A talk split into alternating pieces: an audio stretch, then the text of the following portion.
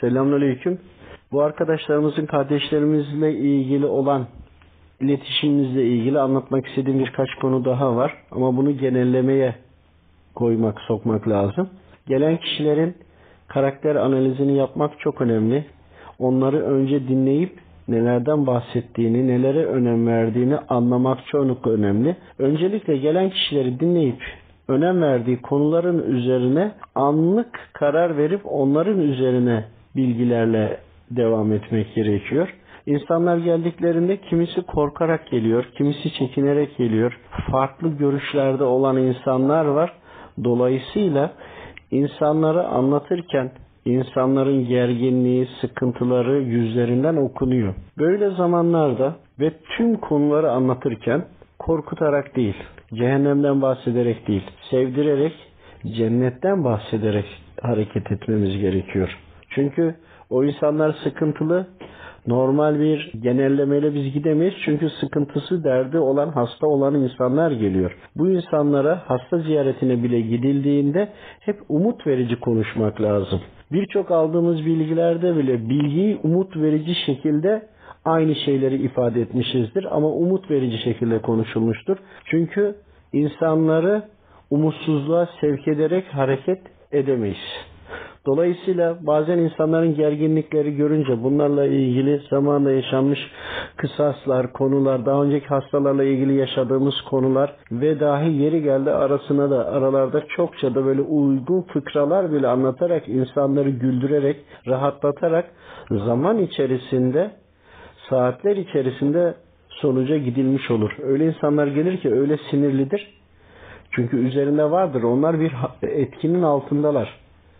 Dolayısıyla gelen kişinin artı ve eksilerini düşünerek onların hassasiyet noktalarından başlayarak devam etmek gerekiyor. Dolayısıyla da bu konuyu anlatırken de çokça kısa özlü espriler insanları gevşetecek şekilde izahatlarla devam etmek gerekiyor. Böyle de olunca o insanın üzerinde iblis musallat ama bir de içinde nefsi var. Nefsini önce okşayarak, nefsini önce etki altına alarak, kişiyi rahatlatarak hareket edilmiş, tüm hastalarda başarı sağlanmıştır. Dolayısıyla bu ilmi görünüş olarak, dil olarak, zeka olarak ve dini konulara hakimiyetimiz olaraktan ve bunu sunuş şeklimizle kişilere güzel şekilde lanse edersek her kişinin mutlaka bir kırılma noktası vardır.